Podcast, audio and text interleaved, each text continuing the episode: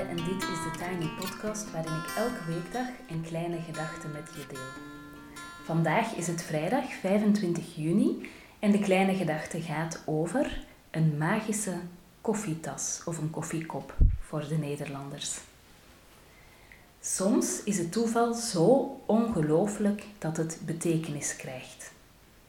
En vandaag mag ik, en ik zeg mag, want ik vind het echt een eer, mag ik een verhaal voorlezen van een van de deelnemers aan de cursus 30 Days of Morning Pages. Deze vrouw, ik ga, even haar, uh, ik haar even anoniem houden, uh, zit in de cursus 30 Days of Morning Pages. En dat is een cursus waarbij je ook een um, clubje hebt, um, waar je elke week met elkaar het gesprek voert over hoe het is om te schrijven. En dat begeleid ik dan, dus um, ja, dan zorg ik dat we eigenlijk elkaar op die manier kunnen inspireren en steunen en ervaringen uitwisselen. En um, voor wie wil is er altijd ook ruimte om iets voor te lezen uit de morning pages. En deze vrouw die leest regelmatig iets voor voor de anderen. En het is altijd heel bijzonder en heel fijn om die fragmenten te horen. En vandaag mag ik een van die fragmenten delen uh, in de podcast. En het is het verhaal van de magische koffietas of koffiekop voor de Nederlanders. En het begint zo. Onze buurvrouw vertelde me tijdens de lockdown dat ze onze twee dochters vaak hoort spelen in onze tuin en dat haar enige dochter dan altijd de naam van onze peuter roept om te komen spelen. Ik kan me dat levendig voorstellen. Een enig kind luisterend in de tuin naar het gegil van de buurtkinderen, veilig in de schaduw van het eigen huis en toch nieuwsgierig naar wat andere kinderen aan het doen zijn. Onze dochter is zes en half jaar lang enig kind geweest, waarvan we vijf jaar lang op een brusje hebben gewacht.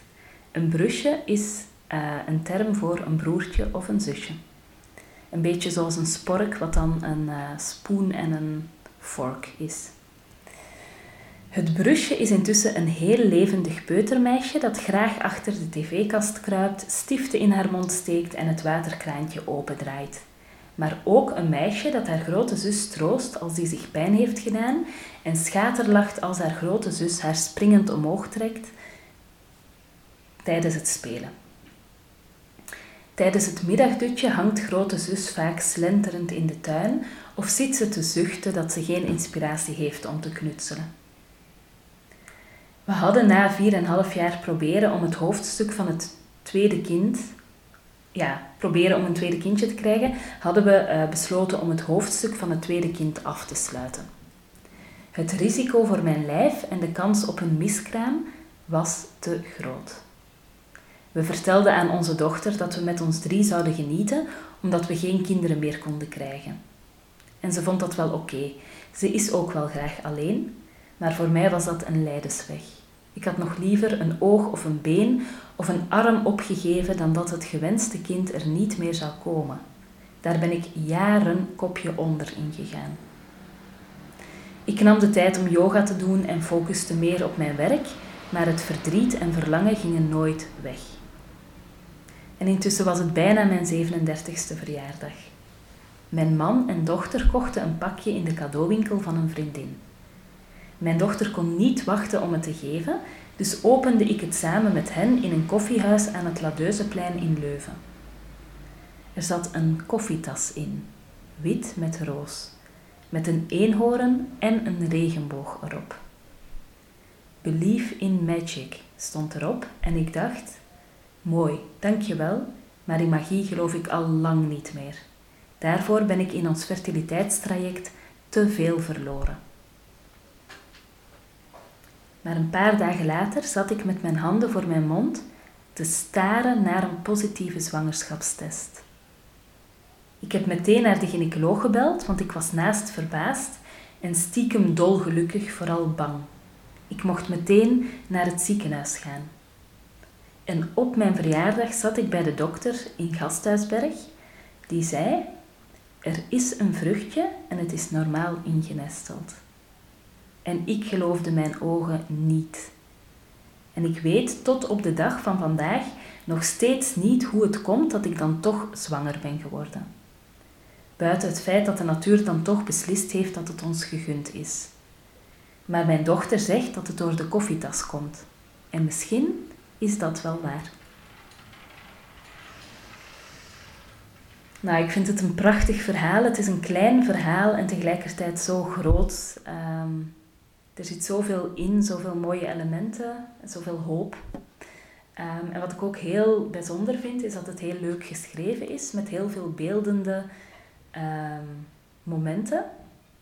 En bijvoorbeeld, ik zie die kinderen in de tuin spelen als ik het verhaal lees. Ik zie die vrouw ook zitten met haar handen voor haar mond en haar uh, positieve test. Ehm, tot en met dat ik zelfs zo beelden krijg van uh, een echo waar dan een kloppend hartje op te zien is. Dus ik vind het heel fijn om zo door de manier waarop het verhaal verteld is ook echt meegenomen te worden in de beelden. Als jij zelf zin hebt om jouw verhalen op te schrijven deze zomer, om een aantal verhalen te maken, en dat kan schrijvend in een tekst, maar dat kan ook met tekeningen of op een andere manier, dan nodig ik jou echt heel erg uh, van harte uit om een van mijn zomercursussen te doen waarin storytelling uh, aan bod komt. Er is bijvoorbeeld één cursus um, waarin je negen eigen verhalen gaat maken deze zomer. En daarvoor nodig ik jou uit, ik probeer je te inspireren en tegelijkertijd reik ik je ook een aantal principes aan, technische dingen.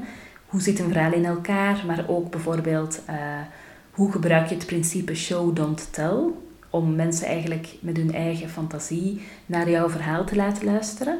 Dus dat soort principes zitten erin en um, daarmee schrijf je deze zomer negen eigen verhalen die, als je graag wil, ook in de podcast bijvoorbeeld mee mogen. En dat zou ik ook weer een eer vinden um, als die hier verteld werden. Want ik geloof dat het gewoon heel goed is en heel waardevol om verhalen van menselijke ervaringen, echte verhalen van echte mensen, van echte gebeurtenissen, om die met elkaar te delen. En dat probeer ik ook in deze podcast te doen. Ik zet de link naar de cursus zet ik in de show notes. Als je vragen hebt, mag je mij ook een mailtje sturen. En uh, bij deze sluit ik af voor vandaag en voor deze week. En dit was de 70ste Tiny Podcast. Um, wat, ja, ik vind het heel grappig om te bedenken dat er dus al 70 Tiny Podcasts zijn gemaakt. Intussen is het voor mij een heel grote dag, want ik ga vandaag voor het eerst sinds de corona weer naar de kapper. Dus um, ja, leuk om te doen. Kijk er heel erg naar uit. Um, je kan me volgen op Instagram, TheTinyPodcast. En je helpt me door deze podcast wat sterretjes te geven op iTunes, een review achter te laten en of hem door te sturen aan iemand anders die er misschien ook graag naar luistert. En ik wens je een ontzettend fijn weekend met een vleugje magie.